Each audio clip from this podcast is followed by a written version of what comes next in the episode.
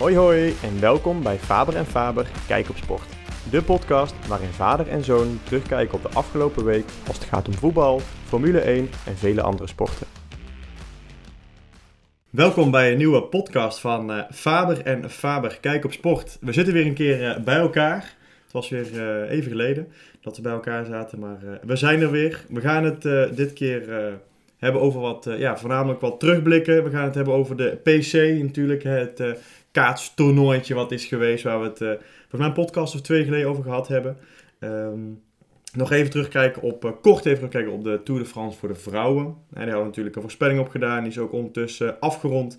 Maar dan gaan we wat verder terugblikken en eigenlijk ook vooruitblikken eigenlijk al. Hè. Wat is er al gebeurd met het voetbal, de eredivisie, internationaal voetbal, hè, voor ons van de Champions League. Een klein beetje hè, vooruitkijken van wat, wat gaat er allemaal gebeuren. Een paar leuke uitdagende stellingen. En dan sluiten we af vandaag uh, met een terugblik op de eerste seizoenshelft van het uh, Formule 1 seizoen. Ik zit hier natuurlijk weer met papa.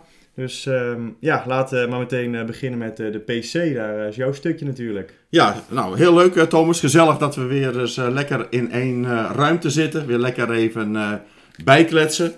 Ja, de PC, nou ik wil het kort houden. de winnaars wil ik even op terugkomen.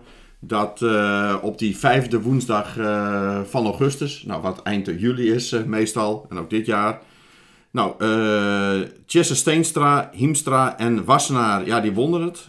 Stonden met 5-3 achter. En zoals we zeiden, als je de 6 haalt, dan heb je het gewonnen. Dus ja, die mannen die hebben het voor de poorten van de hel weggehaald. En het leuke is met uh, Steenstra, dat is de zoon van een van mijn schoolvriendjes van vroeger, van Sipke Steenstra. En dat was wel leuk, dus kleine wereld. Dus uh, nou, dat was, het was weer een mooie, mooie dag. Uh, eh, 10.000 bezoekers. En ja, weer mooi afgesloten. Ja, dan even terugkomend op de Tour de France voor dames. de heren die finishten en de dames die gingen toen gelijk van start. Vos, Marianne Vos die had een hele sterke start. Die kwam de tweede dag volgens mij kwam ze in, in het geel. Ja. En uh, ja, Wiebes die won volgens mij de sprint. Die kwam de eerste, de eerste rit en in het geel. Daarna nam Vos het over. Een paar dagen. Ja, toen wisten we natuurlijk wel dat Vos dat in de, in de bergen, in de Jura niet ging halen. Ja, en daar kwam, nou, in ieder geval die ik een keer dan voorspeld had. Bij de heren had ik het niet goed. Maar hier heb ik het wel gewonnen van de Belgische luisteraar. Die Vollering als eerste had. En ik had Annemiek van Fluiten. En ijzer, ijzersterk de ritten in de bergen uh, met twee vingers in de neus, uh, dat ze die won. En een keer nog de, dat de ketting er een paar keer afliep. En toch wint ze nog die laatste etappe.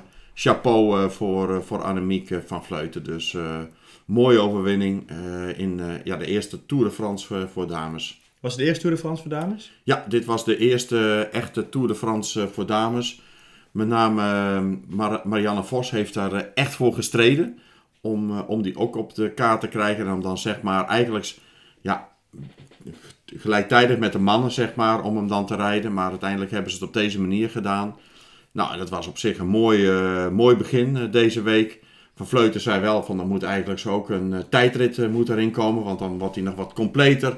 En er mogen best wat meer bergen nog in. Maar ja, dat dacht ze zelf ook al. Als dat het is, ja, dan win ik hem niet met twee vingers in de neus, maar met vier vingers in de neus. Je kan ze achteruit rijden. Je kan ze achteruit rijden, wint ze het. Alhoewel, volgend jaar is haar laatste jaar als wielrenster en dan stopt ze ermee. Oh, oké. dus, maar die, zeg want even, die, uh, dat heb je van Vleuten? Ja, 39 jaar is Hoe oud Vos? Uh, ik denk dat Marianne ergens uh, dik in, ook in dik in de 30 is. Oké, okay, dacht dat van Vos, want Vos lijkt al wat langer mee te gaan dan van Vleuten qua haar overwinningen en zo. Ja, ja, ja. Dus ja, en, en Marianne is natuurlijk niet alleen maar op de weg, maar ook op het, in het veld en waar ze veel ja, gewonnen heeft. Daar is van bekend mee geworden natuurlijk in ja, het begin. Ja. Maar goed, hè, dat waren even de korte terugblikken op wat er gebeurd is. Maar nu gaan we even wat uitgebreider de twee onderwerpen, het voetbal en het Formule 1, even aansnijden. Natuurlijk onze favorieten, hè, toch wel, ongeacht dat jij een allround sportliefhebber bent, um, is voetbal toch wel de meeste, waar je de meeste kennis van hebt. Um, we hebben een aantal stellingen en daar zullen we natuurlijk ook doorgaan op andere onderwerpen. Maar um, ja, er is veel gebeurd. Hè. PSV heeft natuurlijk al een aantal mooie potten gespeeld in de voorronde van de Champions League. Um, zijn natuurlijk al een aantal competitiewedstrijden uh, geweest. Maar ja, laten we eerst even beginnen met ehm, de eerste stelling. En dat is eigenlijk eh, PSV is eh, niet Champions League waardig. Wat Ja, dat is eh, nou, best wel een gewaagde stelling, eh, moet ik zeggen. Ehm, ja, het is eh, afgelopen dinsdag tegen AS Monaco. eh 3-2. Ja, thuis. ik moet zeggen, het publiek vond ik wel Champions League waardig. Een mooie sfeer, maar PSV, zoals zij afgelopen dinsdag voetbalde, vind ik zwaar onder de maat voor, voor Champions League. Mochten ze het eh, gaan halen tegen de Rangers, dan, eh, dan wordt het een club die om de derde en de vierde plaats eh, gaat spelen. En dan moeten ze maar net zien wie de nummer 4 bij hun in de pool is. Maar ik vind eigenlijk op bijna alle posities, ja, dat ze, ja, ik vind de keeper, de Walter Benitez, vind ik een goede, vind ik een goede keeper. Ik vind ehm, Luc de Jong, nou vind ik niet top, maar eh, is wel de verbindende factor en is de beste kopper van, eh, van, van Europa. Eh, Joey Veerman is niet Champions League waardig, maar zit er tegenaan. En nou dan, ja, Ramaljo achterin zou het kunnen, maar dan moet hij wel topfit zijn. Nou en dan, ja, Gakpo, eh, nou, heeft, het, heeft het in ieder geval niet laten zien in de wedstrijden tegen AS Monaco. Dus eh, ja, dat, dat zijn eigenlijk de, de spelers, de dragende spelers. En daaromheen, ja, ja, vind ik gewoon niet Champions League eh, waardig. Die Marueke zou het ook nog kunnen, maar ja, die is natuurlijk tot de winterstop is die eruit. Ja, die jongens die er nu staan, eh, Saibari en Bakayoko. Ja, dat zijn jongens die net uit de jong PSV, uit de keukenkampioen-divisie komen. Zijn eredivisie eh, waardig, zou ik bijna zeggen. Hetzelfde met eh, Xavi Simons, een, leuke jeugdvoetballer bij Barcelona. Heeft ook bij Paris Saint-Germain een aantal wedstrijden gespeeld, maar heeft dan wel tien eh, wereldspelers om zich heen. Ja, dan gaat zo'n jongen ook wel met dat niveau mee. Maar dat is het bij PSV niet. Dus ja, PSV vind ik dus niet Champions League waardig. Oké, nou goed, we hebben natuurlijk al een discussie over gehad, eh, afgelopen dinsdag onder andere.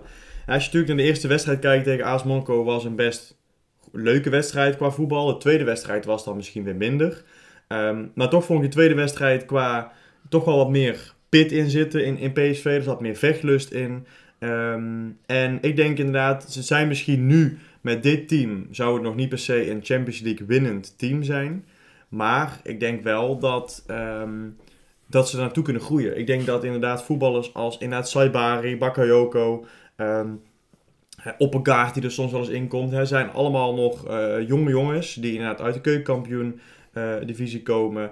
Zijn nu nog niet op het niveau. Hè. Xavier Simons heeft denk ik wel het niveau geproefd. Die weet wel wat het niveau is om in Champions League te spelen, denk ik. Alleen hij heeft natuurlijk ook niet, ehm, niet per se nog, hij is pas 19. Maar ik denk wel dat de jongens aan toe kunnen groeien. Want als je in de competitie ziet, zo'n Xavier Simons heeft nou twee wedstrijden. PSV wou gewoon gedragen in een wedstrijd. Hij, hij is speels, hij maakt acties, hij geeft nonchalante paasjes die gewoon niet nonchalant zijn qua, qua eh, hoe hij hoe die doet, maar gewoon meer hoe het eruit ziet. Gewoon heerlijk gewoon. Hij heeft echt gewoon een beetje dat, die Ronaldinho-vibe over zich heen, vind ik. Eh, lekker speels. En ik heb zoiets als natuurlijk van de Rangers winnen, kom je in de poolfase. Nou, die poolfase begint pas ergens eh, eind september of zo, of ergens september begint dat natuurlijk. Hè. Je kan daar rustig ingroeien. En ik heb zoiets van, nou, als ze daar gewoon in kunnen groeien met competitiewedstrijden ondertussen, dan denk ik dat ze best wel op elkaar ingespeeld kunnen raken. Eh, Ruud is natuurlijk wel een, eh, ze noemen hem ook wel misschien een beetje trekjes heeft hij van, eh, van Guus Hiddink. Hij was natuurlijk ook een, een people manager. Dat is Ruud denk ik ook wel. Ruud kan denk ik, ook al ben ik niet heel fan van zijn wisselbeleid. Zeker in de tweede wedstrijd tegen Monaco. Maar toch denk ik dat Ruud een mooi verbindende factor kan zijn. Het team naar elkaar toe kan trekken. Er echt een groep vrienden van kan maken. Ehm, en ja, misschien, is, misschien zijn ze allemaal nu nog niet Champions League waardig. Maar ik denk wel dat ze... Ik bedoel, ik, vergelijk maar een beetje met eh, IJsland. Eh, ik weet niet hoe lang geleden het was, maar die hebben toen het EK volgens mij, of WK in ieder geval, een toernooi. Hebben die fantastisch goed gespeeld. Een paar jaar op rij hebben die hele goede Europese wedstrijden, eh, ja, gewoon internationale wedstrijden neergezet. Was een team met geen enkel goede voetballer. Geen enkele voetballer in de grote competitie, maar konden wel met z'n allen een fantastische pot neerzetten. En die speelden de beste landen van de mat. En dat denk ik dat PSV dat ehm, in zich heeft. En ik denk dat PSV daar naartoe kan groeien en daar inderdaad uiteindelijk... ehm, ja, ik denk niet dat ze de Champions League winnen, nooit. Maar ze kunnen er wel naartoe. ik denk wel dat het voor PSV eh, nodig is dat ze in de Champions League komen. Ja. Omdat dat namelijk eh, heel veel eh, weerstand geeft voor de spelers. En met weerstand word je gewoon beter. Ja. En als een Ajax, ja, die komt er natuurlijk automatisch wel in. En daardoor word je wel een betere speler. Ja. Dat geloof ik wel. En eh, ook al word je derde of vierde, je krijgt wel eh, zes geweldige wedstrijden eh, krijg je voor je kiezen. En daardoor kun je wel een betere voetballer worden. En ik denk dat PSV dat nodig heeft. Want Xavi Simons en de Bakayoko's, et cetera, leuk voor de eredivisie. Maar tegen Go Ahead Eagles word je niet beter van. En het is leuk, want ze moeten winnen. Maar ze worden er niet beter van, denk ik. Klopt, maar ik denk dat ze wel goed op elkaar ingespeeld raken. En dat is belangrijk, want je ziet gewoon dat tegen Monaco zie je niet per se... Je ziet wel dat de individuele klasse er is. Die Bakayoko, actiemaker, Saibari, Gakpo niet. Die was gewoon niet in de wedstrijd. Eh, nou, Veerman zie je er ook gewoon op een gegeven moment in het begin van de wedstrijd. Zie je hem niks doen en later komt hij erin. En die moeten op elkaar ingespeeld. Ze moeten weten, oké, als Simons dit doet, dan gaat Simons die kant op. Als Luc dit doet, gaat Luc die kant op. Want nu een Guus Til ook, die loopt alleen maar... Hè, Guus Til is een leuke voetballer als die weet waar hij een bal kan ontvangen voorin. En ik denk dat dat inderdaad hè, eh, is wat ze nodig hebben. Plus, je zegt op een gegeven moment ook van... ehm, hè, die, die, die hebben ze nodig. En je zag ook bij zo'n These, want kijk, bijvoorbeeld een Jordan These, daar zou, kan ik van zeggen, dat gaat nooit Champions League waardig worden. Vind ik een leuke speler, maar ook vorig jaar tegen Twente van die wedstrijden...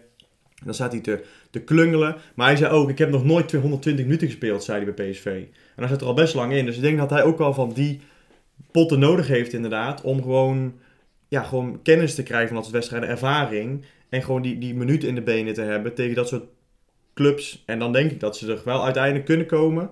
Maar dan moeten ze wel van Rangers winnen. De eerste wedstrijden in de poolfase zullen misschien nog wat eh, lastig zijn. Dus hopelijk krijgen ze dan de makkelijke eerst.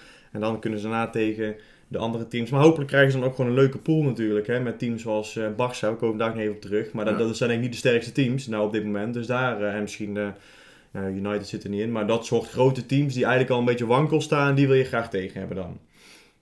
Ja, nou ja, ik denk, eh, ja, ik denk ook, en waarom PSV het ook nodig heeft, is voor de inkomsten. Ja. Want ik denk anders dat Ajax eh, begint steeds meer eh Bayern München-achtige trekjes eh, te krijgen. Ja, Want die loopt er helemaal uit. Ook als je ziet wat ze nu spenderen, 100 miljoen eh, bij al die spelers volgens mij Absurd. bij elkaar opgeteld. Ja, dat is, dat is, maar dat, is, ja, dat kunnen ze ook. ja. Want ze verkopen voor een, eh, een dikke 60 miljoen. Een Martinez. Ja joh, de dikke strik eromheen en eh, wegwezen. En die Anthony ook. Niet maar eens 80 miljoen. Ze willen nu zelfs over de 100 miljoen. Want ze weten dus dat een aantal clubs... Ja, die hebben ze, die jongens ontzettend nodig. Lees Man United.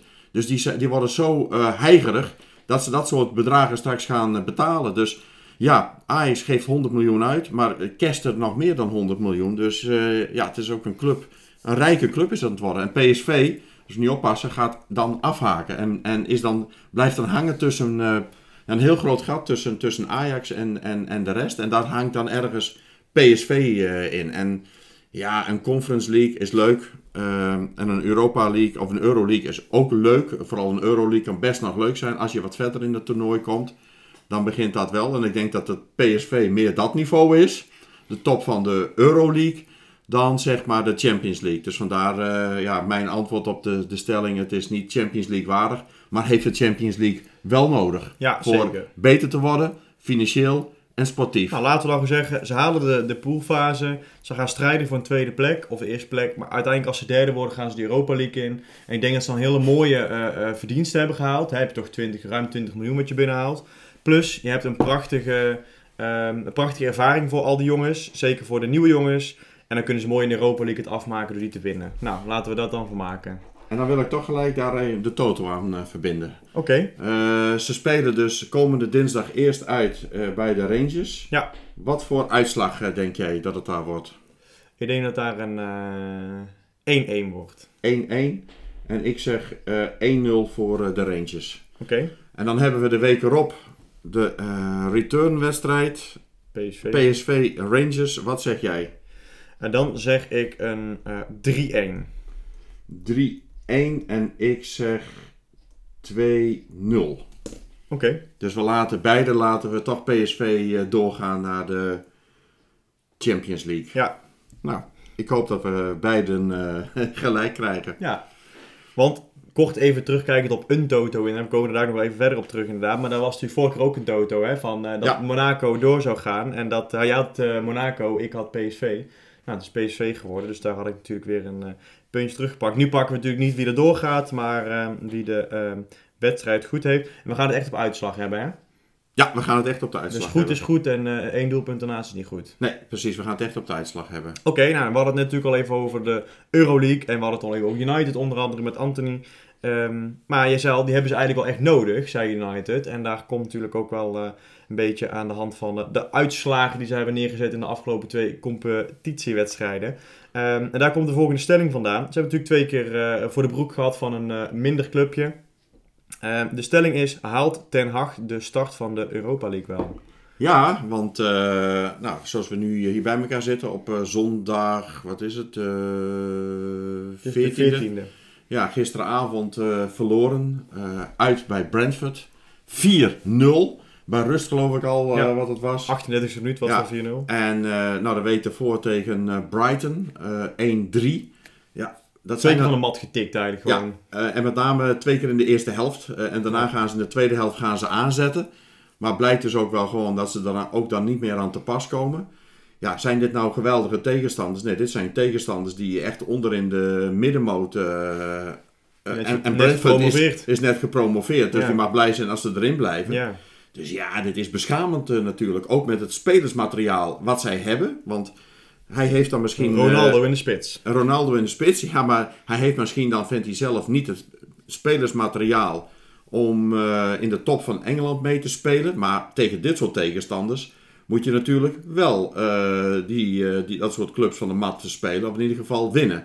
Eh, en hij, dat, heeft, hij heeft in elke linie, heeft hij wel, ik bedoel, die Eriksen, hij heeft natuurlijk al wat te verduren gehad, maar hij blijft ook een fantastische voetballer. Die kan dingen neerleggen waar je denkt, u, u tegen zegt. Hij heeft achterin ook een Varane staan. Hij heeft een goede keeper op de goal. Ik denk, dit is gewoon een, team waar je zeker om de eerste vijf posities mee moet kunnen spelen. ja, Want Arsenal is ook geen team die op die elke positie, een to- elke positie alleen maar topspelers heeft staan. En dat is eigenlijk alleen die daar heeft is City. En dan houdt het eigenlijk op. Dus ik heb zoiets van, hij moet niet eh zeiken eigenlijk. Hij heeft gewoon topvoetballers. Een van de beste van de wereld altijd nog, Ronaldo. Zo'n blijft een, een vechtersbaas. Ja, ik vind gewoon dat hij eh, voor de eerste vijf voor plekken mee moet spelen. Maar ja, nou, nou heb je zo'n Ronaldo bijvoorbeeld. Hè? Nou, die wilde gewoon eigenlijk liever niet meer spelen. Die Nee. wil gewoon naar een club die eh, Champions League voetbalt. Ja, joh, maar dat kan ook een splijtzaam eh, worden. Hè? Want ik begreep Zeker. ook dat eh, toen hij niet meedeed in de voorbereiding, dat er toch een aantal jongens, een Martial, et cetera, dat die veel beter gingen voetballen. Omdat eh, het, het baasje niet meespeelde en die eiste alles op. En die staat er ook soms een negatieve uitstraling eh, te hebben op het veld als Ja. het niet naar hem eh, gaat.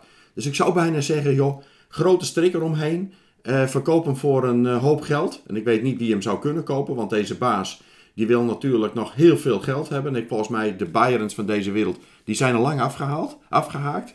Die jongen die is ook eh, dik in de 30. Dus eh 5, 36. Team, misschien teams Paris Saint-Germain, die, die zou hem nog willen hebben. Dat soort teams. Nou, die, daar dan, dat, dat zijn er enkele die, hem nog, eh, dat, die zich dat ook kunnen veroorloven. Misschien dat zelfs nog zo'n eh, een, een, een Real Madrid. Maar ik zou zeggen, Real Madrid zou hem door moeten selecteren naar veel jongere spelers. Want Ja. die heeft er al met, ja, Ja. met, met ben, Benzema en ehm, de Modric en de Tony Kroos. Ja, die jongens die zijn ook dik in de 30. Dus die moeten Ja. eigenlijk doorselecteren. Moeten niet dit soort spelers eh, gaan halen. Maar ik zou bijna zeggen, grote strik om die Ronaldo. Weg, cashen. En dan een paar goede spelers eh, erbij halen. Eh, ja, dan, dan denk ik, en, en geeft Den Haag ook de tijd. Want zowel Maar bij krijgt hij de tijd in Engeland? dat is wat anders, want bij Utrecht een heel ander niveau. En bij Ajax ook een heel ander niveau. Eh, begon, begon hij ook niet echt eh, sterk. Was het een wijfelend eh, manneke. Werd hij ook een beetje in, in, in, in Amsterdam. Ja, dan moet je van die Amsterdamse Brani hebben. En hij is een, een jongen uit het oosten van het land. Ja, is een beetje introvert. Nou, die werd bijna met de vloer gelijk gemaakt daar. En daar heeft hij toch gehaald, want hij was uiteindelijk was hij, de king in, in Amsterdam. Ja. En dus ja, geef hem de kans. Maar ik ben het met je eens. Haalt hij het? Ja, dat is maar de vraag eh, of hij het haalt. Want ze begonnen hem al te vergelijken met eh, Frank de Boer. hè. Want Ja. Frank die wilde natuurlijk Crystal Palace ook eh, op zijn ja, Nederlands laten voetballen. Verzorgd voetbal, et cetera. Ja, nou vind ik Man United van een ander niveau als Crystal Palace. En ik vind ook dat Man United verzorgd voetbal moet spelen. Niet dat kick en rush. Want daarmee ga je het dus niet halen. Ik vind Liverpool, dat is nou de enige club die, waar het soms... Daar zit een bepaalde sturm en drang in. Dat komt Ja. door, eh, Klopt. door, eh, door Jurgen Klopp natuurlijk. Ehm, maar toch ook best wel eh, verzorgd voetbal. Het is niet alleen maar lange halen. Maar daar zit wel een bepaalde drive zit erin. Dat een soort wervelwind gaat daar doorheen. Hè, waarbij Barcelona altijd de tiki-taka had. En dan heb je Liverpool, vind ik, een hele andere stijl. Dat is echt stoerme, stoerme, stoerm. En ja, ik vind Man United is gewoon een club eh, wat gewoon eh, verzorgd voetbal eh, moet spelen. Maar er zijn heel wat grote namen gesneuveld. lees ook Louis van Gaal. Louis van Gaal, ja. Die heeft er ook ooit volgens mij een, een of ander cupje gewonnen. Maar geen Champions League of een, een landskampioenschap. Nee. Dus jij zegt ja of nee? Ik zeg, hij, haalt, hij haalt het wel. Ik denk dat uiteindelijk dat hij dat ook... Het kan de pers wel zijn, maar uiteindelijk zijn de eigenaren die het eh overeind houden. En die Solskjaer heeft er ook een hele tijd gezeten. Dus ik denk wel dat ze deze man, eh, die hebben ze niet voor niks eh, laten komen. En dat is ook een, een, goede, een, een, een goede pers heeft hij best. Hè, heeft hij meegekregen. Hij heeft best nog wel wat credits. En ik denk gewoon, ja, ik zou bijna zeggen, de rotte peren eruit, eh, de rotte appels eruit halen. Lees eh, Ronaldo. Ronaldo eruit halen en dan eh, gewoon met een paar gerichte goede aankopen. Ja, de beurs zal open moeten en dan denk ik dat hij het wel gaat redden. Oké, nou ik, ik, ik heb hetzelfde. Nou, ik denk, hij moet inderdaad de komende wedstrijden. Ik denk als hij nog twee, drie van deze wedstrijden neerzet, is hij eruit. Ehm, dan is het klaar. Maar als hij inderdaad zegt: ehm, ik, ik gooi Ronaldo eruit, ik laat, de teams, ik laat het team spelen zoals in de voorbereiding ook speelde. Hij zo Malasia, die eigenlijk heel goed speelde. Ehm, als, als hij op die manier weer durft te gaan spelen en hij heeft de ballen om dat te doen. Dan denk ik wel, ja, als jij zegt hij heeft misschien ook die brani niet, hij is een man uit oosten. Ik, ik weet niet of hij eh, genoeg heeft geleerd de afgelopen jaren bij Ajax, of hij daar hard genoeg is geworden. eh, om dat te durven, hè. natuurlijk tegen Ronaldo ingaan. Eh, het is natuurlijk maar een speler, maar het is natuurlijk wel eh, iemand eh, ook met een niet op zijn mondje gevallen is. Ehm, ik weet het nog net niet. Kijk, of hij de Europa, Europa League haalt, misschien nog wel. Maar of hij de hel, halverwege het seizoen haalt, dat vraag ik me af. Dus ik, denk niet dat hij het seizoen helemaal uit kan zingen. Maar ehm, ja, ik hoop natuurlijk voor hem van wel. Ik hoop dat hij ja, erbij kan komen en dat hij het weer een goede kant op kan trekken. Anderzijds eh, maakt me het ook niet heel veel uit, want ik ben natuurlijk een Arsenal-fan. Dus als er weer Ja. een clubje afvalt, vind ik het dan prima. En bij Arsenal zie je dus tegenovergesteld. Daar heb je natuurlijk zo'n eh eh, Jesus gehaald. ehm, die natuurlijk ook wel enigszins een bepaalde sterstatus heeft. Hij is natuurlijk een goede voetballer, komt van City. eh, kan natuurlijk ook zichzelf verheven voelen boven het team. Maar daar zie je gewoon, die gaat gewoon heel goed in het team. En gisteren tegen Leicester speelt hij toch, scoort hij toch twee prachtige doelpunten. Eh, of in ieder geval, eentje was prachtig, de andere was een, een kopbal. Maar toch, ehm, ja, die, die, die, die zie je, die gaat wel mooi mee in het team. En dat is ook maar, daar zijn maar een speler of twee, drie gehaald eh, voor in het basiselftal.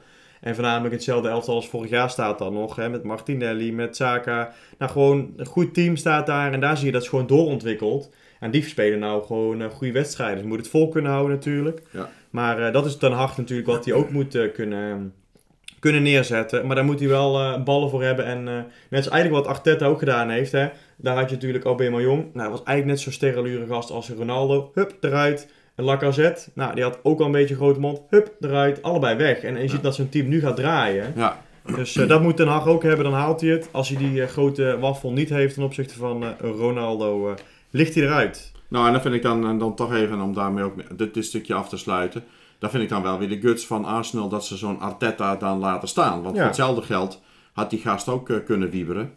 Vorig jaar eh, nou, be- begonnen ze al een eh, opwaartse beweging te maken. Toen lieten ze het echt in de laatste Tot de wedstrijd. laatste drie maanden. Ja, de laatste wedstrijden lieten ze het echt liggen voor de Champions League. Want ze waren echt op koers. Ja, tot en met half april waren ze eigenlijk goed. De laatste maand hebben ze eigenlijk de laatste drie wedstrijden hebben ze het een beetje Ja. laten liggen. Ja. Maar oké, dus eh, nou toch even eh, een mooi bruggetje naar eh, Barcelona. De Aubameyang, hè. Dus die ging toen voor Nop. Ging die eh, van Arsenal naar eh, Barcelona. Ja. Nu kunnen ze er trouwens eh, wel weer geld voor vangen. Want er was een club, ik weet even niet meer wie. Die was nou eh, geïnteresseerd in Aubameyang. Dus Nou, hopelijk hebben ze een doorkooppercentage nog erin gezet. Maar zo'n eh, Barcelona, hè, eh, daar hebben we een stelling van eh Barça moet uitgesloten worden van internationaal eh, voetbal. Als je ziet van, we zeiden net, een PSV hè, heeft Champions League eh, voetbal nodig om, eh, ook financieel, om zeg maar een stap te kunnen maken. Ja. Nou, als je ziet hoe Barcelona op dit moment, en dan wil ik toch even eh, iets citeren uit een, uit een, van, van, van internet. Hè. Die club hè, die is echt aan lage wal geraakt, ook financieel gezien. Ze, hadden, ze hebben volgens mij ze hadden iets van ruim een miljard euro schuld. Ja. Maar nou heeft die club, die heeft dus 49%, want hoe komen ze nou aan hun geld? 49% van de aandelen in hun productiebedrijf Barça Studio, die hebben ze verkocht voor 200 mil- miljoen. Ze hebben ook 49% van hun merchandising poot hebben ze in de etalage gezet. Dus zeg maar, eh, ja, de verkoop van shirtjes Ja. en dat soort waren vanuit hun fanshops, et cetera. Dus die hebben ze in de etalage gezet.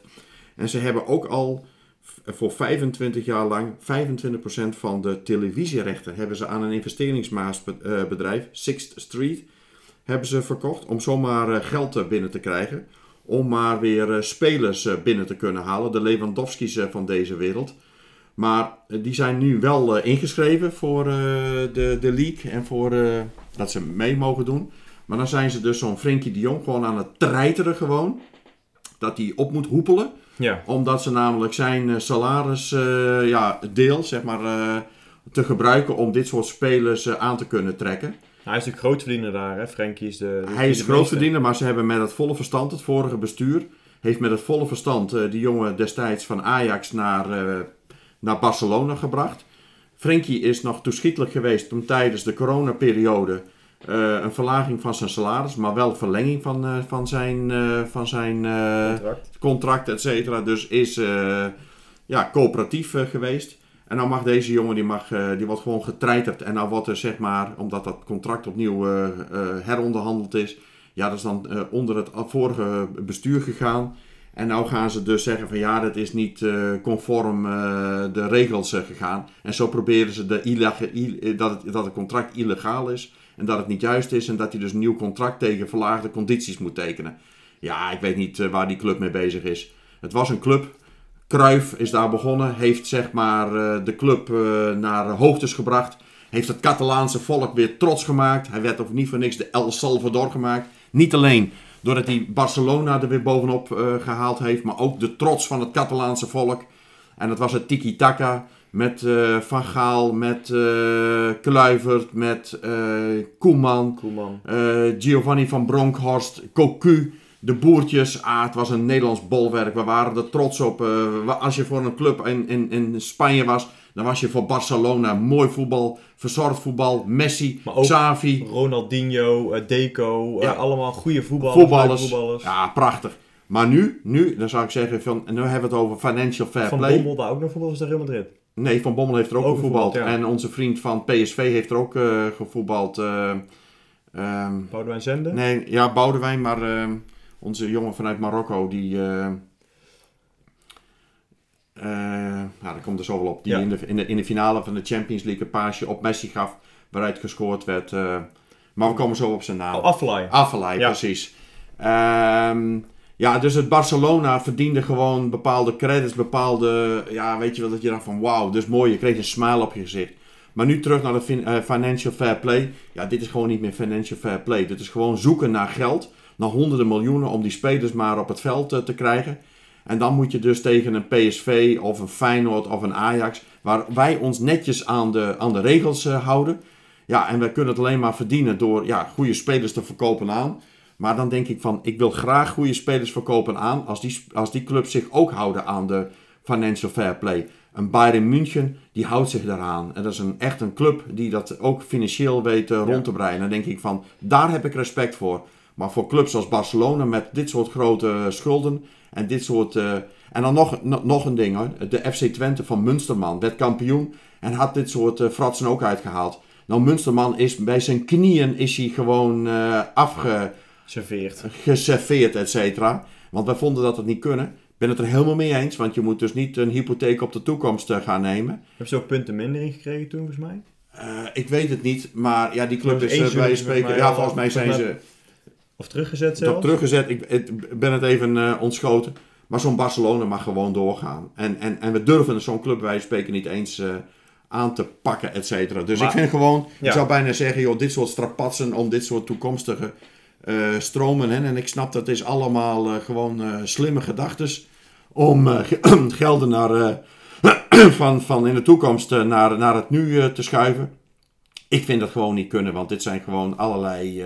straks gaan we met de bitcoins en dit soort toekomstige dingen gaan we dingen financieren, et cetera. Ja, ik vind gewoon dat dat niet kan. Ik vind gewoon dat je ze bij spreken zegt van, krijg je eerst je, Ja. je huishouding, je financiële huishouding maar eens op orde. En dan word je weer toegelaten tot het internationale voetbal. We gaan dus echt naar de financial fair play, waar UEFA zijn mond ook vol van heeft. Nou, bewijs het dan ook eens. Ja, ik, ik vind het gewoon... ze hebben wel op een gegeven moment gezegd met eh, de, in het fair play, financial fair play status, maar ook als je zoveel schuld hebt en je inkomsten en alles en je, je transfer eh, inkomsten die je doet, dat moet in een bepaalde verhouding liggen. Ik, ik, heb, ik vind dat ook inderdaad. Ik heb zoiets als je een miljard schuld had, ehm, vind ik ook veel te veel natuurlijk, een miljard schuld. Eh, maar dan hebben we het eigenlijk ook, hè, United heeft volgens mij ook eh, diepe schulden, Paris Saint-Germain heeft die schulden, volgens mij Real Madrid nog wel. Ehm, en volgens mij is Bayern een van, die, van de weinige clubs die in, in Europa eh, in de top meespeelt. Die nog enigszins financieel gezond is, die niet zoveel schuld heeft. Ehm, ik vind dat Barca gewoon uitgesloten moet worden. En we hebben het eerder al een keer besproken in de podcast, volgens mij in een van de eerdere podcasts. Ik vind dat al die teams gewoon. Ik vind het van de zotte, eh, de bedragen die uitgegeven worden, die eruit eh gestrooid worden. Eh, ook zo'n United die dan eigenlijk gewoon weer voor de 100, meer ruim 100 miljoen uitgaven heeft. En, en wat zet je nou neer? Het team wordt er niet beter op. En, maar het, ze doen het wel. En uiteindelijk, zo'n Barça speelt dan wel weer in de Champions League mee. Ja, ik vind, het, ik vind het van de zotte. Ik vind dat ze gewoon uitgesloten moeten worden voor internationaal voetbal. Ze hebben misschien al veel minder inkomsten, maar dan moeten ze maar oplossen. Ze moeten het maar op een gezonde manier doen, vind ik. Ja, en zo'n Barcelona, moet je ook nog weten. die gaat nou kamp. Gaat die verbouwen. Ja, Dus dan straks moeten ze in hun, eh, hun tweede stadion voetballen. Dus ze krijgen straks ook veel minder inkomsten. Dus deze club is gewoon. Ja, die, gedoemd om... eh, ja gedoemd tot. Want die halen dus allerlei geld van, van, van de toekomst naar, naar het nu. Maar weten dus dat ze over een jaar, twee jaar hebben ze weer een probleem. Real Madrid was nog zo slim om tijdens de corona gewoon hun, eh hun Bernabeu helemaal te verbouwen. ja. En die hebben dus in dat eh, tweede stadion ook gevoetbald. Eh, ja, dat was gewoon tijdens corona, want er was toch geen publiek. Ja, dat kun je beter dan doen. Maar waarom heeft zo'n Barcelona dat niet kunnen doen? Omdat ze het niet konden financieren. Ja, dus die, die, die, die, die, die schiet van, van, van, van, van, van, van hypotheek naar hypotheek, van kwaad tot erger. Dus dat soort clubs moet je gewoon een dikke vette streep onder zetten. En dan mogen ze met de Lewandowski's. En dan, en dan krijgen we dus, je zei dus Champions League. PSV mag tegen Barcelona. Wordt er straks afgeserveerd met 5-0. Omdat onze vriend Lewandowski Vijf straks weer maakt. vijf doelpunten maakt. En nog een paar van die fantastische voetballers. Maar wel een club die een miljard euro schuld heeft. En een PSV die het allemaal netjes doet. Dan denk ik van, waar zijn we nou mee bezig? Of niet eens afgezweerd, maar in de laatste minuut eh, eh, dat je bijna tweede wordt in de pool. Lewandowski maakt in de laatste minuut een een- een 1-1 Ja. of 2-1. En je, en je wordt niet tweede, maar derde in de pool.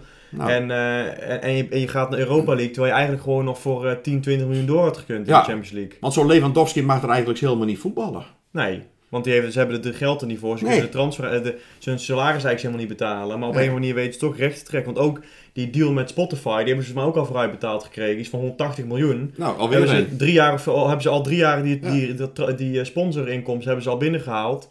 Ja, het is, eh, als het allemaal op is over een jaar, dan wat moet je dan? Dan Het is, gewoon, niks. het is gewoon een failliete bende. En ik vind gewoon, als UEFA moet je gewoon een keer een, eh, een, een, een, een signaal afgeven. Ja. En eh, dat is met heel veel dingen in de wereld. Gewoon duidelijkheid. Gewoon op korte termijn duidelijkheid. Los je Ja. dingen mee op een lange termijn op.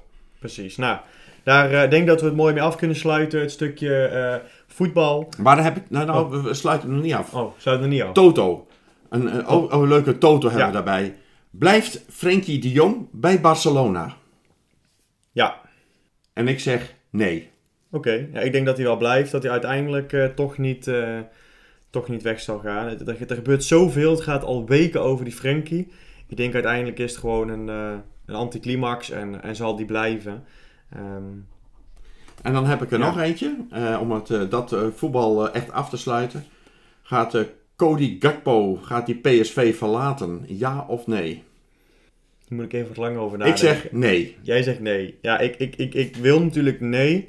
Ehm, ik denk dat het heel erg afhangt van... ehm, Nee, maar gewoon ja of nee. Nee, maar voor mezelf even, even redeneren. Ik het heel afhangt als het natuurlijk van Rangers twee keer winnen. Dan zit je in de Champions League. En waar gaat hij naartoe? Hij gaat naar Arsenal of United. Waar voetballen Arsenal en United niet? In de Champions League. Dus voetbal technisch zelf kan de jongen misschien is het de, Europa, misschien is het de, de Premier League, leuke competitie, maar je leert veel meer in de Champions League nog. Dus ik denk als hij, als zij van Rangers winnen, en daar heb ik ja op gezegd, dan blijft hij. Want dan kun je 59 miljoen bieden of wat dan ook. Maar ik denk dat hij blijft. Oké. Nou, ik eh, las ook al in, eh, op internet van... eh, Jij denkt dat hij dus weggaat. ik, nee, ik, ik, hij blijft. Hij blijft. Maar jij, jij dat je nee zei, maar, je, Ja, hij maar zegt, hij blijft. hij, jij zegt ja. Ja, hij blijft bij PSV. ja. En jij zegt dat hij niet bij PSV Ik ben dat hij ook blijft. Oh. Want, ik, want ik zeg, hij wint, ze winnen van Rangers, dat heb ik, heb ik net gezegd. Oké, Dus, hij, dus dan, gaat hij, en dan wil hij zelf niet weg. Want waarom zou je Champions nou League dan, opgeven? eh, dan hoeven we deze toto niet te doen. Maar ik denk namelijk dat eh, die, die cl- clausules zijn er ook al. Eh, deze twee wedstrijden speelt hij nog gewoon mee met, eh, met Ja. PSV. En Ja, daarna mag niet gaat hij. Hij mag hij niet weg, maar daarna gaat hij wel weg. En dan gaan ze dus bedragen bieden van richting tussen de 55 en 60 miljoen. Maar ik denk bij mezelf, waarom zou hij weg willen als je Champions League kan hebben? Of je gaat naar een club die geen Champions League heeft. Ja, En bij Arsenal United staat hij toch op de bank. Ja, en ik denk dat hij sowieso niet weg moet, eh, Gakpo. Want, ik denk dat, ja. want eh, zowel bij Arsenal als eh, United is hij voor de bank. Ja, is je bankvulling. En is hij bankvulling. Geeft en- hij, zijn, geeft hij zijn WK op. Ja. Hij is bankvulling. Hij Ja. geeft zijn hele carrière weg. En hij gooit Champions League weg. Ja, en ik denk dat het een beetje à la Depay is. Ik denk namelijk dat hij dat niveau ook niet aan kan. Want dan had hij wel tegen AS Monaco het laten zien. Want die jongen durfde, die wil- wilde natuurlijk van alles. Want die wilde daar even eh, zich etaleren. Hij kan het wel aan, maar hij moet nog even een jaartje Ja, verder. hij, moet gewoon, hij moet gewoon nog minimaal een jaar bij PSV Maar dat is blijven. hetzelfde wat hij heeft gezegd toen eh, het seizoen dat ze geen kampioen bij de PSV. eh, toen hebben Genie en Memphis tegen elkaar gezegd. Die gaven elkaar de hand. Die zeiden we blijven nog één jaar.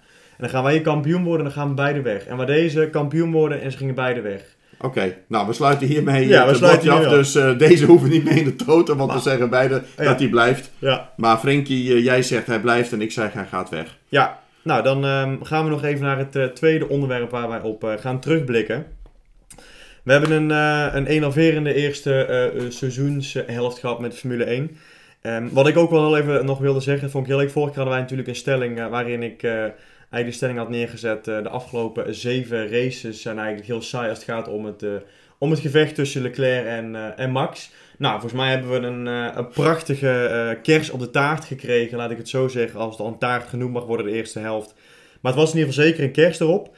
Met een prachtige laatste race. Zes coureurs, drie teams die eh, streden voor de overwinning. En eh, Russell die de pole position pakt met een fantastisch rondje. Ehm, daarachter de Ferraris die eigenlijk eh, op, eh, op rails reden, op rozen zaten. Die zaten eigenlijk gewoon perfect. Die zouden wel even die overwinning gaan binnenslepen. De eerste 10, 15 rondes gingen ook eigenlijk eh, redelijk voortvarend voor Ferrari. Natuurlijk Red Bull die op 10 en 11 start. Wat met Perez natuurlijk helemaal dramatisch ging. Max zijn eerste rondje in de quali ging niet helemaal lekker in Q3. En zijn tweede rondje kapt zijn motor ermee. Dus er gebeurde van alles. En eigenlijk voor de race dacht je, nou, er wordt er weer een. Simpele overwinning van Ferrari. En uiteindelijk wordt er iets uit die hoge hoed getoverd met een fantastische race. Dus daar moet ik op terugkomen. Zeven races waren minder, maar deze race was natuurlijk fantastisch als het gaat om, eh, om het, eh, ja, het kampioenschap en daar eh, de strijd tussen. Misschien heb ik een nieuwe stelling. Oh, een nieuwe stelling nog. Ja, ze hebben ooit eens een keer gezegd van misschien moet je wel de startgrid Omdraaien. omdraaien. Reverse En- grid. Een reverse grid. En dat Ja. je dus zeg maar, de snelle jongens achteraan hebt. En dat je zag het nu natuurlijk ook met, met de twee Red Bulls die eh, ja, eigenlijk dus midden in het veld eh, stonden. En natuurlijk prachtig het doorheen sneden. En dat was natuurlijk schitterend. En misschien maakt het dat dan wel veel spannender. Maar ze doen meestal top 10. Hè? In de Formule 2 doen ze het wel eens. Dus een top 10 reverse grid. En dan vanaf 11. Want vanaf 11 is eigenlijk niet interessant. En het is ook niet realistisch om van 20 naar 1 te rijden. Maar ja, ik, ik ben er wel van mening dat ze eens een keer zouden kunnen proberen. Ik bedoel, die sprintrace is ook een format waar ze mee testen. Dus ik heb bij mezelf als zoiets uit zo'n sprintrace 1 tot 10. Als jij pole position neerzet in de, in de kwalificatie. eh, maar dan zou ik dat graag zien in een sprintweekend. En dan zou ik dat graag ook eens een keer zien in, in zo'n sprintrace. Want dan kun je ook eens, want die sprintrace zijn natuurlijk drie keer niks. En wat bedoel je dan in een sprintrace? Nou, dat je gewoon je kwalificatie hebt op vrijdag. Ja. Dan een reverse grid op, ehm, op zondag, laat ik maar zeggen. Op zaterdag in de sprintrace. Ja. Dus de sprintquali, laat ik maar zeggen, is dan gewoon reverse grid. Dus de pole position vrijdag start op 10.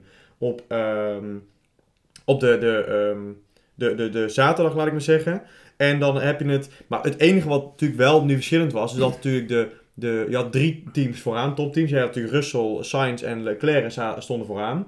Dus had je drie goede vooraan. Dan stond eh, in de middenmoot op zevende plek stond daar eh, Hamilton.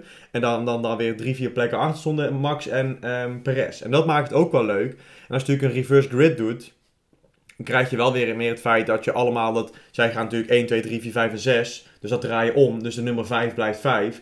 En dan heb, je natuurlijk, dan heb ik zoiets van, ja, is het dan nog interessant? Want dan starten ze allemaal achteraan. En dan reizen ze met z'n allen mee naar voren. En nu maakt het interessant dat de mannen vooraan, ja, die gaan natuurlijk niet zo um, balzie tactieken uitdoen, uh, uitoefenen, strategieën. Terwijl achteraan op plek 10 en 11, dan moet je wel balzie zijn, want anders kun je niet winnen. Dus daar Ferraris denken, ik start heel ja, conservatief op de gele band. Kijk, en Russell had zoiets, weet het alles of niks. Ik ga start gewoon op, op uh, rood. En Hamilton denkt ook in middenmoot, ik start ook op geel. Maar de, de Red Bulls dachten, weet je wat, we starten gewoon lekker op rood. Ja.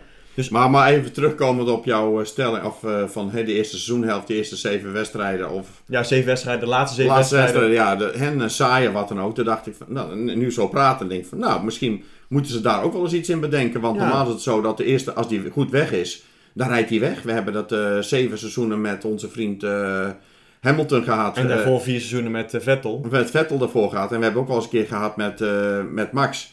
Als hij goed weg was, dan was hij ook weg. Oostenrijk vorig jaar. Ja, daarom. Dus ik zou bijna zeggen van, en ze hebben het hier best wel eens een keer over gehad. Waarom doe je het niet? Ja, ze hebben natuurlijk ook wel eens gehad over de dingen hè, in uh, uh, Paul Ricard. We gaan hem niet meer gebruiken, maar daar heb je een sprinkler-installatie naast het circuit liggen. Die hebben ze gebouwd. Dat je gewoon eigenlijk dus, um, ja, gewoon, dat ze gewoon, uh, gewoon kunstmatig een regen na kunnen bootsen. Dat soort dingen zijn natuurlijk wel leuk natuurlijk. Hè, want je kunt ook een tactiek neerzetten. Je kan net naar binnen zijn gegaan. Maar dat je gewoon uh, van tevoren al ingesteld hebt, gewoon willekeurig om op, op 15 of 15 en 15 rondes gaat die regen erin. Ja, en dan ben je net naar binnen geweest, ben je natuurlijk de Sjaak. En dat zijn wel leuke dingen. En ik denk dat de reverse grid dan nog eerder realistisch is. Um, het is echt 50-50 hoor ik altijd wel. De ene zegt van wel, de andere niet. Maar ik denk wel dat er wel wat meer dingen gedaan moeten worden. Zo'n sprinter is hartstikke leuk, maar uiteindelijk is het ook gewoon een optocht. Want er gebeurt vrij weinig. En ze strijden nog niet. Het zijn acht puntjes die je kan winnen. Leuk, maar ja, nou, misschien is dat ook wel een uh, mooie inleiding naar onze eerste stellingname. Ja. Als je dan uh, ziet van, uh, nou, met wat je zegt, met sprinklerinstallaties en met hoe ga je met bandenwissels om. We hebben een, een eerste stellingname van, is Hanna Schmid, dat is de hoofdstrategie van Red Bull. Is zij cruciaal geweest in de 80 punten voorsprong Max en 100 punten voorsprong Red Bull in de constructeurstitel? Is, is zij daar cruciaal in geweest? Ja, ik denk zeker wel. Omdat je ziet natuurlijk bij de pannenkoeken uit, uit Italië. Die, um, ze, je vraagt je af, hebben ze überhaupt een strategieafdeling? Of zijn het letterlijk driejarigen die net uit de luiers zijn? Maar het is, het is, je vraagt je het af wat ze aan het doen zijn daar. En wanneer dan een keer met de vuist op tafel wordt geslagen... Um, en dat, is, dat zie je bij Red Bull. Is er gewoon één persoon die is eindverantwoordelijk. En dat is Hannah Smit. Ze is niet de enige die erover beslist. Ze heeft natuurlijk een team. Maar zij is eindverantwoordelijk en zij neemt de verantwoordelijkheid op zich. En als het misgaat, dan heb je het als team fout gedaan, zie je bij Red Bull. En als het goed gaat, heeft Hanna Smit het goed gedaan. En daar gaat het denk ik heel goed. Je weet niet eens wie is de strategische persoon bij Ferrari. Niemand weet het. En die Hanna Smit wordt gewoon naar voren ge, uh, getrokken. Want kijk, in Oostenrijk heeft Ferrari natuurlijk gewoon het uh, tactisch goed voor elkaar gehad. Hebben ze gewoon natuurlijk mooi gewonnen. Hebben ze mooie uh, neergezet. Kijk, natuurlijk jammer dat hij zijn motor opblaast, Sainz.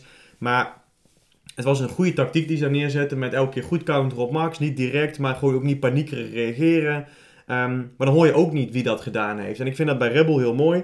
Die Hanna Smit, die, wordt naar voren gezet. Zij is er cruciaal in.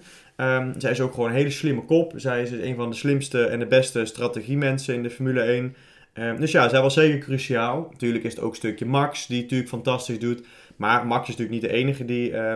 ja, trouwens, hij heeft 80 punten voorsprong. Dus vanuit die 100 punten zijn er in ieder geval 80 van Max, laat ik het zo zeggen. Want het is bijna 100 punten voorsprong. Kijk, uh, uh, laat ik zo zeggen, Perez heeft daar misschien van die 100 punten bijna, heeft hij misschien 10 of 15 die hij pakt.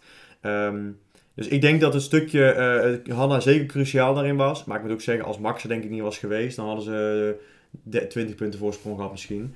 Um, want Hanna is geweldig, maar Max die rijdt hem afgelopen race naar voren. Want Perez wordt zesde en die start één plek achter Max.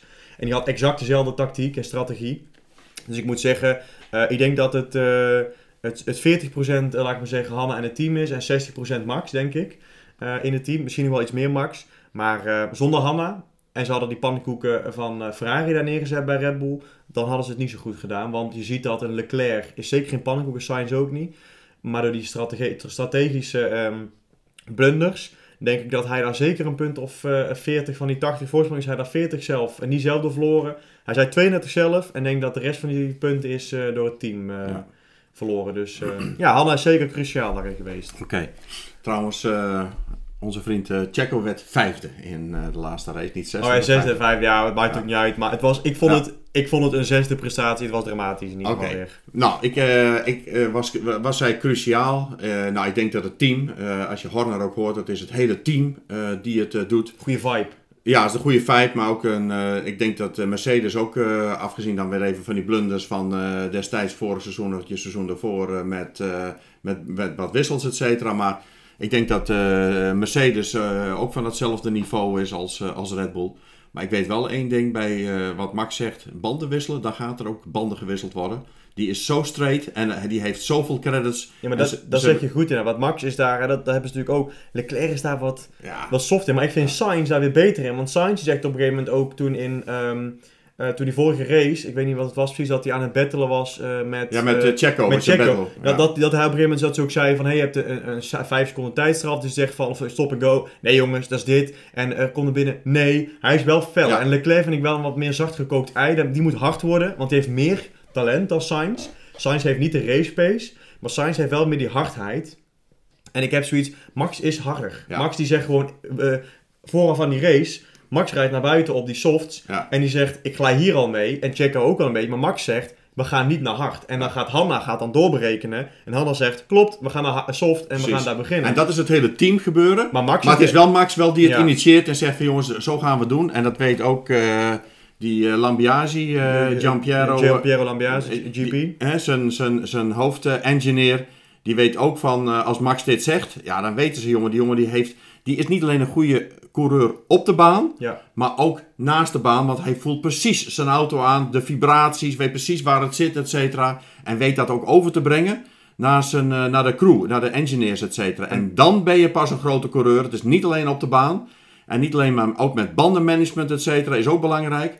Een soort bandenfluisteraar, et cetera. Maar je moet ook eh, de, de motor aan kunnen voelen en dat over kunnen brengen naar de engineers, et cetera. En dan pas ben je een echte hele grote, jongen. Ja, dat, dat, en iemand anders die dat ook kan is Hamilton. Die kan het ook echt zo. Hè. Russell misschien ook al, dat weet ik nog niet natuurlijk. Maar en Hamilton zie je ook gewoon, die kan ook gewoon, die, die zegt gewoon wanneer hij naar binnen wil. Die zegt wel gewoon wat hij wil. Af en toe heb ik wel eens dat hij kan zeuren over, hè, zijn het, oh, die is de, the right tires. Hè, dat, dat, dat roept hij nog wel eens. Maar die roept wel vaak van, hey, de tires zijn nog goed, ik ga niet naar binnen.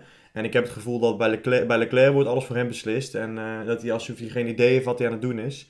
Eh, dus die moet harder worden. Maar op de stelling, jij vindt Hanna ook cruciaal geweest. eh. Ja, ik, eh, eh, Zonder, zonder handen hadden ze niet, had hij niet zo'n grote voorsprong. Nee, maar ik denk, ik denk namelijk dat het hele het teamverband is cruciaal. En ik denk dat, wat ik al zei, van, ik denk de meest cruciale is, blijft voor mij Max Verstappen. Niet alleen wat hij op de baan presteert, maar ook zijn, zijn leadership. Met name dat, dat hij zich uitspreekt en de manier waarop hij zich uitspreekt. En dat hij ook daar duidelijker in is. En ik begrijp ook, eh, wat ik nu een paar keer ook van op, op internet lees, ook een Albon die eh, zeer close met hem heeft samengewerkt. Niet alleen maar de tweede rijder was, maar ook zeg maar de reserverijder was. Ja. En eh, zeg maar in de... Vorig seizoen. In, in de... heet Ja, het? in de simulator. simulator zat. Hij zegt hij, Max en die Gian- Giampieri eh, Pierre Lambiase. Lambiasi, een kwartiertje hadden ze nodig, hadden ze de motor afgesteld. Ja. En eh, Max eh, gelooft soms ook de crew en dan gaat hij gewoon lekker eh, zitten te gamen, wat dan ook. Is er niet altijd bij, heeft vertrouwen in het team, et cetera. Dus het Ja, is ook de hele compositie, et cetera. Ja, en daar speelt Hanna natuurlijk ook een geweldige rol in. En ja, die heeft een paar keer eh, goede beslissingen genomen. Dus dat groeit helemaal. Ja, dus kijk, het is het hele team. eh, Vor- Vorige race natuurlijk hè, in, in eh, Hongarije heeft natuurlijk Hanna geweldige beslissingen gemaakt door hem hè, vroeg naar binnen te sturen. Een beetje ook een Leclerc in de in, Ferrari uit de tent te lokken. Dat Leclerc meteen naar binnen ga- gehaald wordt als een soort undercut. Maar je moet ook zeggen, Max zet dan rondjes neer. Die 2 tot 5 seconden sneller zijn dan. Maar als je 2 seconden sneller Russell en 5 seconden sneller dan eh, Leclerc toen hij op die harde band reed. Ehm, dus dan rijdt hij ook rondjes, die outlaps. Ik zat ook te kijken op de app. Alleen maar paars, paars, paars. Dus dat, dat is ook weer Max inderdaad. Goeie Hanna, maar Max zet ook weer fantastische outlaps neer. Ehm, gaan we naar de tweede stelling. Daar eh, hebben wij natuurlijk... eh, er is heel wat gaande als het gaat om de stoeltjeswissel. We hebben natuurlijk... Vettel ging eruit, Alonso ging erin. Eh toen kregen we een stoeltje bij eh, Alpine die vrij kwam. Alpine dacht heel simpel, wij hebben Piastri in ons op contract staan, dus wij kondigen hem alvast aan. Piastri was aan het slapen, hij wordt wakker en hij zegt eigenlijk in een tweet... niks ervan. Ik weet niks van een contract en ik rij volgend jaar zeker niet bij Alpine. Dus dan, dat zeg je alleen maar als je iets getekend hebt. Het komt eigenlijk een beetje naar buiten, vrijwel zeker. Hij heeft al bij McLaren getekend. Maar goed, dan hebben we daar Daniel zitten. En dat is het enige waar we nog niet van weten. Wat gaat er met Daniel gebeuren? Want Daniel heeft natuurlijk zoiets van... hey, ik heb nog een jaar contract eigenlijk. Die wil ik wel uh, uitdienen. En dat moet goed betaald worden. Maar ja, McLaren is ook niet het rijkste team. Dus ja, dan is de stelling. Daniel rijdt zijn laatste seizoen in de Formule 1.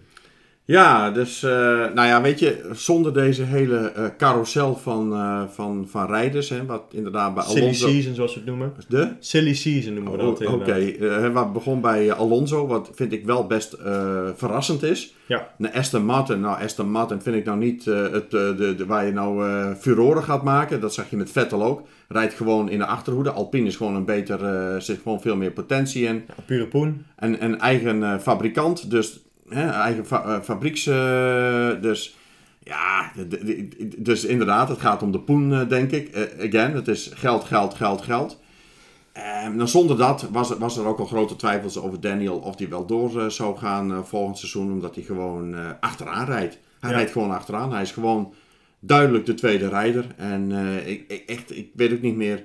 Ja, weet je, je ziet hem alleen maar lachen, lachen, lachen. Maar het, het sportieve, ja, vind het een beetje sneu uh, ja. voor de jongen worden. Uh, het is niet meer uh, ja, de, de, de, de man die het was naast, naast Max, maar ook later bij Renault. Heeft waar hij best, gedaan. Heeft hij best de eerste seizoen niet, maar het tweede seizoen, het derde seizoen was hij gewoon goed. Hè, dat hij ook de tatoeage afdwong ja. bij Abiteboel, Abiteboel et cetera. Dus ja, ik, ik vond hem goed, gewoon goed rijden. En ik had het idee dat hij bij McLaren, dat, ja, heeft hij het nooit echt nooit echt kunnen doen. En dan had hij natuurlijk ja, een fantastische... Na, na Monza vorig jaar had je gehoopt dat hij het op ging pakken in die overwinning. Maar ja, um, ja. ja. Dus uh, ja, ik denk dat het, uh, ik denk dat het inderdaad het misschien wel zijn laatste seizoen is. En ik denk dat hij, uh, als hij een nette afkoopsom krijgt, of whatever, of hij gaat ergens anders rijden waar ze hem iets voor hem vinden, weet ik het dan. ik, ik, ik weet het niet met Daniel. Ik denk dat het een beetje over is ik zie dat wel met, ik, ik vind Alonso vind ik toch ook wel verrassend, hè, want die kreeg, waarom bleef hij, want hij heeft namelijk voor twee jaar heeft hij getekend. En uh, Renault wilde, of Alpine wilde hem geen twee jaar, omdat hij Ja. namelijk uh, te oud is. Ja. Tenminste, ze zijn niet 100% overtuigd of hij dit niveau twee jaar lang vast kan houden. Ja. Vandaar dat ze hem ook niet een uh, twee jaar contract aan wilden bieden. En dat krijgt hij wel bij Aston Martin. Ja, ik, ik, ik vind het al heel knap hoor, wat, uh, wat Alonso laat zien. Ik vind het een van de beste rijders, uh, ook uh, hoe die, hoe die rijdt. in zijn auto, dat hij echt, ja, hij zit net achter die drie topteams. Ja. Ik vind het gewoon een fantastische, fantastische rijder. En, maar zou hij niet meer staan als je bij Ferrari zou rijden? Of bij Red Bull zou hij niet meer staan ten opzichte van de coureur. Ik denk dat hij ook met Max, zou hij nog enigszins mee... Natuurlijk, Max is beter. Ja. Leclerc is misschien wat beter, maar... Uh, misschien Hamilton wel beter, maar hij zou zeker niet afgeserveerd worden. Hij zou zeker niet afgeserveerd worden, want deze man die, uh, ja, die is... Ik dacht namelijk ook 40 jaar, 41 jaar. Bij de jeugd, het is een fracties van secondes dat je moet reageren. Ja, je, je, als je ouder wordt, ja, weet je gewoon dat je fracties uh, langzamer bent. Dus ik denk, ja, deze man in deze motorsport, topmotorsport, die gaat dat gewoon niet meer redden. En ik vind hem gewoon dat hij het wel doet. Dus ik, hij, ja, hij maakt het wel waar. Hij maakt het wel waar, ja. Ja, nee, ik, ik, ik, moet zeggen, ik denk dat Daniel nog wel een plekje krijgt. Want als je kijkt naar de Formule 2 nu, daar rijdt eigenlijk vrijwel... Ja, alleen Pouchard, Pouchard rijdt daar rond, de Fransman. Die zou bij Alpine kunnen. Ja, dan heb je die Drugovic, Felipe Drugovic, bij, uh, die zit naar bovenaan van MP Motorsport. Dat is een goede. Um, dan heb je Zwartsman die nog een beetje mee komt doen. Maar dat allemaal... Het, het, is niet, het is niet het, de, de kwaliteit die we in 2018, 2019 hadden. Zo, hè, met, met Russell natuurlijk, met Norris... Albon, uh, Gasly, Leclerc, dat soort kwaliteit. Dat vind ik niet dat dat erin zit. Hè. Pouchard is een hele goede, maar dat is dan misschien ook de enige. Um, uh, en dan heb je het enige die je nog wel hebt is, uh, sergeant, sergeant of sergeant. Dat is een, een, een, Amerikaan volgens mij is het. Ja, een Amerikaan die bij Williams dit jaar een, een test gaat rijden. Lijkt me niet een test, maar gewoon een vrije training mag rijden. Um, die is vorig jaar vanuit Formule 3 kampioen, volgens mij in ieder geval meteen doorgerold. Is het nou derde in het kampioenschap. Dus doet het ook leuk. is wel een, een hele goede inderdaad. Dus je zou ze misschien ook nog wel... Uh... hey, maar kon je ook geen Nick de Vries uh, noemen? Nee, Nick de Vries is uh, afgeserveerd. Die gaat hem niet meer worden. Dat, dat is al eigenlijk vorig jaar, het begin dit jaar toen het er niet meer werd, wist je gewoon... Die jongen heeft geen geld. Er zijn altijd anderen die wel geld hebben. Een Pouchard die beter is. nee, daar gaat het niet worden. Maar ik denk toch dat Daniel nog wel een plekje zal krijgen. En blijft toch een goede coureur. Hij heeft één seizoen minder gepresteerd. Dit seizoen ook niet geweldig. Maar bij uh, Renault liet dit nog wel zien. Het is niet dat hij bij uh, Red Bull wegging en dat hij gebroken was. Hij heeft het toch wel laten zien daar. En daar heeft hij natuurlijk ook tegen Ocon volgens mij nog wel gereden, toch? Of niet? Ja, ik ben... En ik vond dat hij daar... Ocon liet hij wel alle hoeken van de baan zien. En dat Ocon nu kan mee met Alonso. Dus ik vond dat hij het goed deed. Dus ik denk dat hij wel een plekje krijgt nog. En dat hij nu wel ergens kan rijden. Zodat ik jammer vind. Ik vind het een leuke persoonlijkheid. Een leuke... Kijk, Vettel was echt klaar. Die, die begon te zeiken ook al met zijn, duurzaamheid natuurlijk en alles. Dus daar was ik ook gewoon klaar. Ik heb bij Daniel heb ik gezien, kan er wel een jaartje of twee doorgaan. En, uh, maar goed, je moet ook altijd weer rekening houden. Er moet in misschien wel gewoon ruimte gemaakt worden voor uh, jong talent natuurlijk. Um, ja, misschien, uh, misschien wel, misschien niet. We gaan het zien, maar ik denk dat je nog wel een jaartje doorrijdt. En wat ik ook heel leuk vind, is dat ik het um, heel benieuwd ben volgend jaar naar. Kijk, Stroll heeft natuurlijk nooit tegenstand gehad. Hè? Een Perez was natuurlijk ook niet de beste, de beste. Um, we hebben natuurlijk Vettel gehad, die ook een beetje op zijn einde van zijn Latijn zat. Dus die liet Stroll ook niet alle hoeken van de baan zien. Dat gaat denk ik Alonso wel doen. Die gaat echt het achter van zijn tong laten zien. En ik denk dat Lawrence zich best wel een probleem op de hals gehaald heeft. Wat ze eindelijk duidelijk wordt dat zijn zoon toch niet Formule 1 uh, eh, per se waardig is. En, uh, dus ik denk dat hij uh, goed um, afgeserveerd gaat worden, die Stroll. en dat lijkt me heel leuk om te zien. Ik denk dat het dan wel een beetje mee zal vallen. Ja? En, en dan hou ik op over Daniel. Maar ik denk dat het ook een beetje aan Daniel zelf ligt. Of ja. hij ook nog die uitdaging voor zichzelf ziet. En of je dan ook denkt van, uh, wil ik nog achteraan uh, blijven rijden? En uh, dat hij, hij moet eerlijk tegenover hemzelf zijn. En als hij denkt van, op een of andere manier kan hij nog een keer weer het vuur boven, boven krijgen, dan denk ik wel. Maar ja, bij Vettel, Vettel wat je net zegt, die krijgt het vuur niet meer boven. Ja. Dus die neemt ook afscheid. Ik denk dat het een heel wijs besluit is. Zeker. En ik hoop ook dat Daniel voor zichzelf die overweging kan maken. Ja, Goed, dan hebben we nog één laatste stelling. Daar kunnen we kort over zijn. Inderdaad, daar hebben we natuurlijk al een beetje over, uh, over gehad. Maar dat is, uh, Mercedes wordt uh, tweede in het constructeurskampioenschap. Staan nu derde, maar niet veel, voor mij maar 30 puntje achter. Ja, nou, ik denk dat Ferrari toch wel tweede blijft. Ik denk dat, wat ik al zei, ik denk dat ze de snelste auto hebben. Ik denk dat Red Bull de beste auto heeft. En ik denk dat Mercedes zich goed aan het herstellen is wel te laat. Uh, ik uh, zei toen in Barcelona ja. moeten ze erbij zitten. Jij zei al van nou het zal wel bij de zomerstop. Nou het begint nu net een beetje te komen. Hè. Uh, maar ik denk dat Ferrari het toch wel in de zomer, hopelijk krijgen ze toch voor elkaar. met name betrouwbaarheid, betrouwbaarheid, betrouwbaarheid. Want daar gaat het dus om. En als ze dat krijgen, en ik, ik ga er wel vanuit dat ze dat, want ja het is toch een, ja, het, het meest gerenommeerde Formule 1 team ter wereld. Ja. En, uh, all over uh, ja, de, de, de, world. de world. En, en ook uh, gezien de historie, et cetera. de grootste merken ter wereld, volgens mij ook. Ja, dus ik denk dus, ja, die gaat, dat, die gaat dit toch niet weggeven. En ik vind dat ze twee fantastische coureurs hebben. misschien wel de beste setting, misschien wel die twee. Ja, ik vind dat echt, die, die gaan dat echt nog wel, dat is hun ook hun, in hun eer te na. Want ze hebben namelijk het vorige seizoen hebben ze laten lopen. Ja op een bepaald moment. En zijn zich helemaal gaan full concentreren op uh, dit seizoen. Mercedes en Red Bull, die zijn natuurlijk. Uh, Mercedes was toen sprake van dat ze ook niet meer aan het uh, doorontwikkelen waren. Maar die hebben dat volgens mij toch weer opgepikt. Om toch die achtste wereldtitel voor Lewis binnen te halen. En nou, Red Bull heeft zeker tot het laatste door, doorontwikkeld. Ja. En daarom vind ik het toch heel knap dat ze dit jaar zo ver voor staan. Ja. Dus eigenlijk zou je zeggen, ja, Ferrari had er eigenlijk bovenaan moeten staan in, in, in die optiek.